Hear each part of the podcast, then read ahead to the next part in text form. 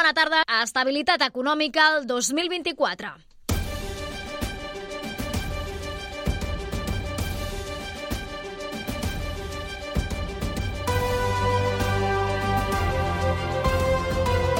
Notícies migdia. Núria Garcia.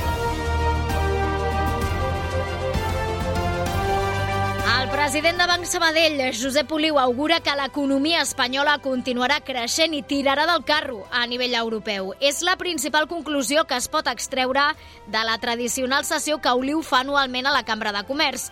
Tot i això, subratlla que la geopolítica amb conflictes bèl·lics com el de Gaza o Ucraïna o les eleccions dels Estats Units acabaran de marcar el que serà a curt termini l'economia mundial. La taxa que s'espera per part del Fons Monetari és l'1,5. Si, si ens atenem que l'any passat esperaven l'1,1 i aquest any espera l'1,5, eh, més aviat el viatge que nosaltres tenim és de que aquest 1,5 pot ser que quedi per sota del que serà el creixement real de l'economia espanyola en l'any en l'any 2024, però em lamento dir això, és a dir, pot estar entre l'1,5 i el 2% perfectament.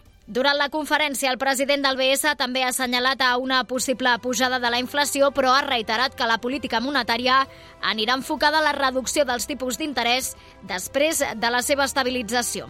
És el tema de portada, però tenim altres temes al Notícies Migdia que tenen a veure, per exemple, amb la mobilitat, la salut i la cultura. De seguida us els expliquem amb l'ajuda de la Rocío García a les vies de so. Notícies migdia. La informació en 15 minuts. Els serveis. Situació del transport eh, públic. Héctor Molina, des del Transmet. Bona tarda. Doncs avui també estem tenint una jornada de dimecres on no destaquen alteracions significatives a la xarxa de transport públic de l'àrea de Barcelona. Així que per ara parlem de normalitat on tant els trens, el metro i el bus funcionen sense cap tipus d'incidència. De moment, això és tot des del Transmet. Molt bon dia.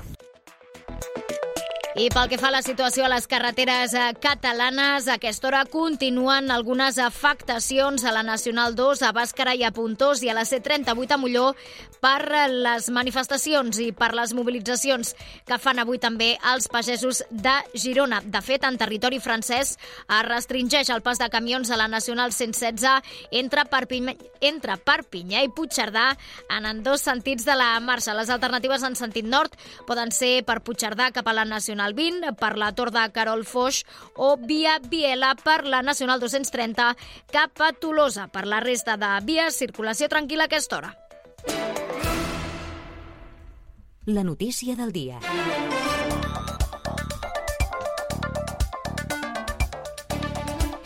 L'economia espanyola continuarà en dinàmica positiva durant aquest 2024. Segons el Fons Monetari Internacional, el PIB espanyol augmentarà un 1,5% durant aquest any, superant altre cop la mitjana de la zona euro.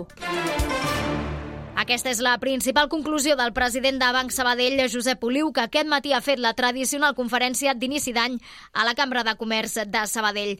Una conferència que ha seguit l'Helena Moliste. Molt bona tarda. Hola, bona tarda. Què més ha dit? Doncs Oliu ha previst que aquest, eh, durant aquest 2024 la inflació pugi lleugerament a causa de diferents factors, com per exemple l'augment del salari o les tensions al Pròxim Orient. Per altra banda, però, el president del Banc Sabadell ha afirmat que els tipus d'interès baixaran s'ha de tenir en compte no només els tipus a curt, sinó també els tipus a llarg, perquè l'endeutament a llarg avui ja comença altra vegada a tocar un equilibri, per tant, a l'hora de fer plans sapiguem que aquests seran els que més o menys es mantindran estables si no hi ha fenòmens de, diguéssim, de disrupció i que els tipus a curt es aniran adaptant fins a, a, a anar a parar en aquests, en aquests tipus a llarg. No?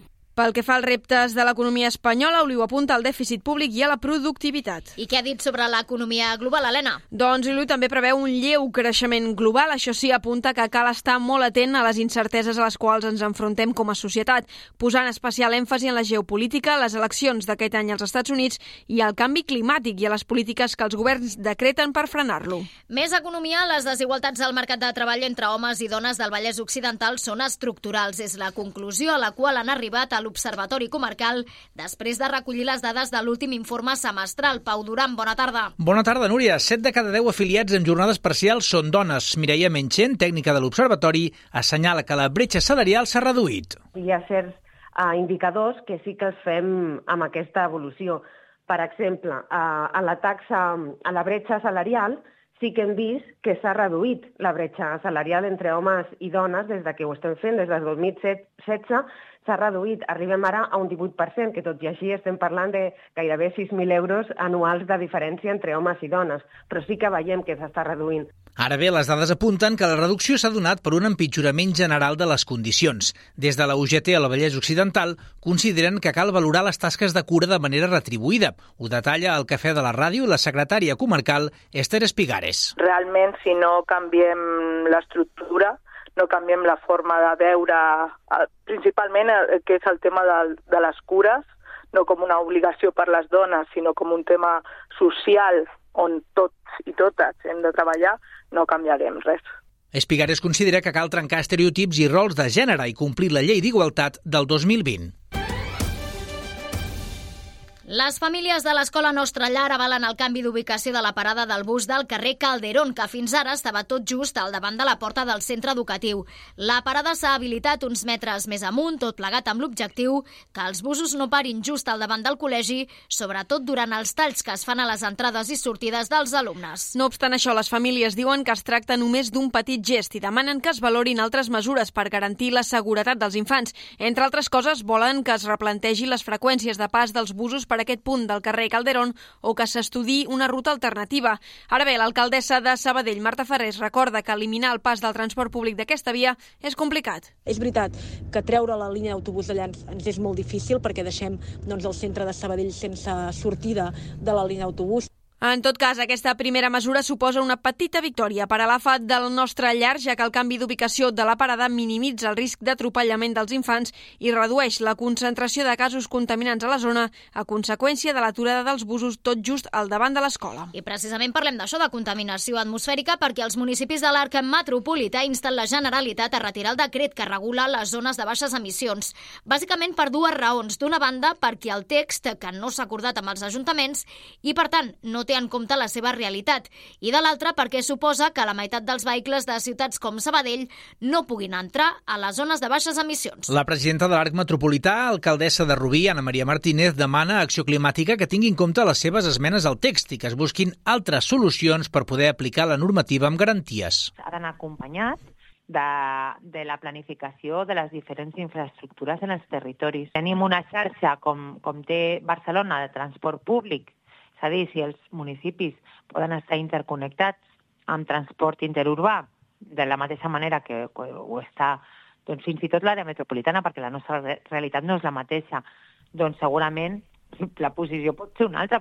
Sabadell va aprovar al desembre passat l'ordenança per desplegar les zones de baixes emissions. Inicialment se n'ha de delimitar una al centre que s'hauria d'aplicar a partir d'aquest 2024. Tota la informació a Ràdio Sabadell. Les dues i vuit minuts, un centenar de famílies usuàries del càmping Sant Salvador de Comarruga, entre les quals n'hi ha desenes de Sabadell i la comarca, es veuen obligades a marxar-ne en un termini màxim d'un mes. A les últimes hores han rebut una notificació que han de desallotjar la parcel·la. Karen Madrid, bona tarda. Bona tarda. Els afectats denuncien que no se'ls ha justificat el motiu d'aquest desallotjament, tot i que tenen coneixement que s'han de fer unes obres al càmping. A més, insisteixen que els han esperonat a fer inversions malgrat aquesta situació. Raül Collbater és un dels afectats. Que realment el que nosaltres sospitem, eh, o sigui, no sabem si això ja estava premeditat d'abans i, i la temporada sencera s'ho han callat i no han dit res i ens han fet invertir. O sigui, és que hi ha famílies que han comprat mòduls al càmping de quantitats importants, de, de 15 a 20.000 euros, fa o sigui, un mes abans de tancar el càmping. O sigui, que si ja ho sabien el que anava a passar és bastant greu. És bastant greu perquè han invertit allà un, uns diners que, òbviament, es, es perdran. Els afectats estudien ara possibles accions legals a emprendre de forma conjunta davant d'aquesta comunicació. Notícies migdia. De dilluns a divendres, a partir de les dues. Cada any neixen a Catalunya 600 nadons amb una cardiopatia congènita. Són dades que s'han conegut pel Dia Mundial de les Cardiopaties Congènites, una afectació que pateixen prop de 40.000 catalans. La Natàlia Manyosa, mare d'un jove amb aquesta patologia, n'ha parlat avui al Cafè de la Ràdio. És una crònica de la Berta Torres. A l'Arnau el van haver de sotmetre a la primera intervenció quirúrgica amb només 11 dies de vida. Una operació a cor obert que ha anat seguida de 6 cateterismes. Segons Manyosa, a banda de les intervencions, la medicació i les revisions, anys, el seu fill porta una vida normal. Amb tot, assegura, una cardiopatia és una lluita que costa molt de portar. A veure, com es viu amb molt patiment? És una cosa que costa molt, costa molt de portar i molt patiment i, jo, i per mi jo almenys diria una certa incomprensió a vegades. Actualment, l'Arnau està pendent d'un nou cateterisme. Aviat en complirà 15, està creixent i el que porta se li ha quedat petit. Augmenten les consultes també al 061 per part de persones amb pensaments suïcides. Per contra, s'estabilitzen les temptatives després dels augments postpandèmia. El fenomen s'explica perquè les consultes es fan abans d'intentar treure's la vida i és més fàcil intervenir-hi. El director del Servei de Salut Mental del Taulí i membre del Pla de Prevenció del Suïcidi a Catalunya, Diego Palau, insisteix que cal trencar l'estigma per arribar a temps. Lluitar contra l'estigma, contra el desconeixement de que el suïcidi és un problema individual, és un problema de, de manca de voluntat, perquè és, en la majoria dels casos, un símptoma d'un problema més, més important, eh, un problema de salut que és susceptible i, i es pot abordar des del, des del punt de vista de la salut. Precisament amb aquest objectiu, Salut acaba d'iniciar una campanya de prevenció del suïcidi. A Sabadell es poden veure els vinils al carrer Gràcia a l'alçada del carrer Sant Quirze.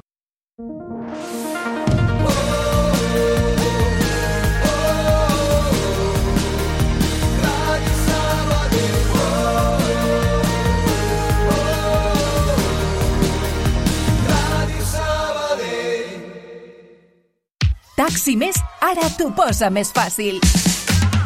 Pots demanar un taxi a la teva ciutat per WhatsApp al 608 48 30 02. Recorda, 608 48 30 02. Més informació a taximés.com. Taxi!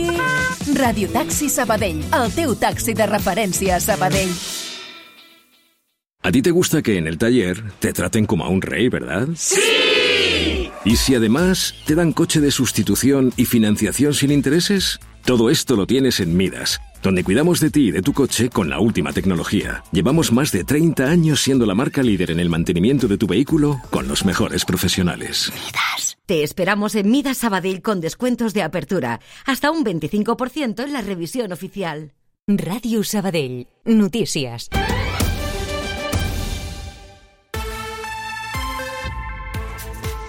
Altres informacions en format més breu. Els pagesos gironins continuen bloquejant la P7 i la Nacional 2. Els pagesos mantenen els tractors a la via i preveuen allargar el tall durant tot el dia d'avui. Ja han advertit que no desconvocaran la protesta fins que l'administració es comprometi a atendre les seves reivindicacions. A nivell estatal, els sindicats agraris es concentren als accessos de Mercamadrid des de les 9 del matí i es preveuen talls de vies a diverses províncies.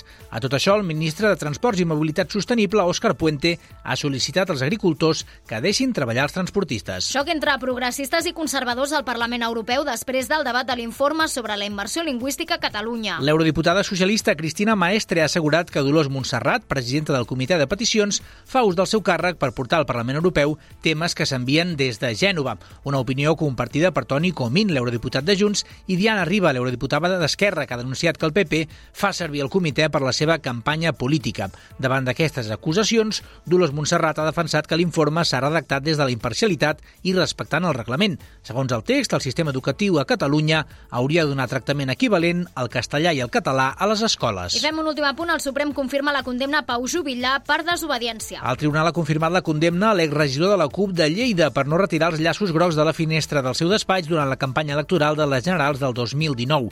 El Suprem ha rebutjat així el recurs de Jubillà contra la sentència d'inhabilitació i la multa de 1.080 euros. Cultura. Postmulet és el nou àlbum que ha tret la sabadellenca Venus sense despentinar-se. Jo no sé si t'ho he de dir, he notat punta del dit i ara noto que em tremola la galta.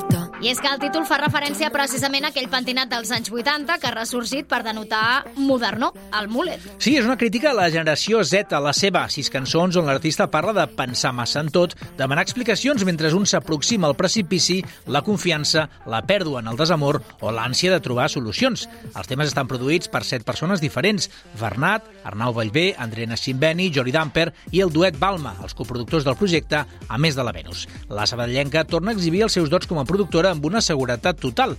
Ara falta saber com s'executaran les cançons en directe. El temps.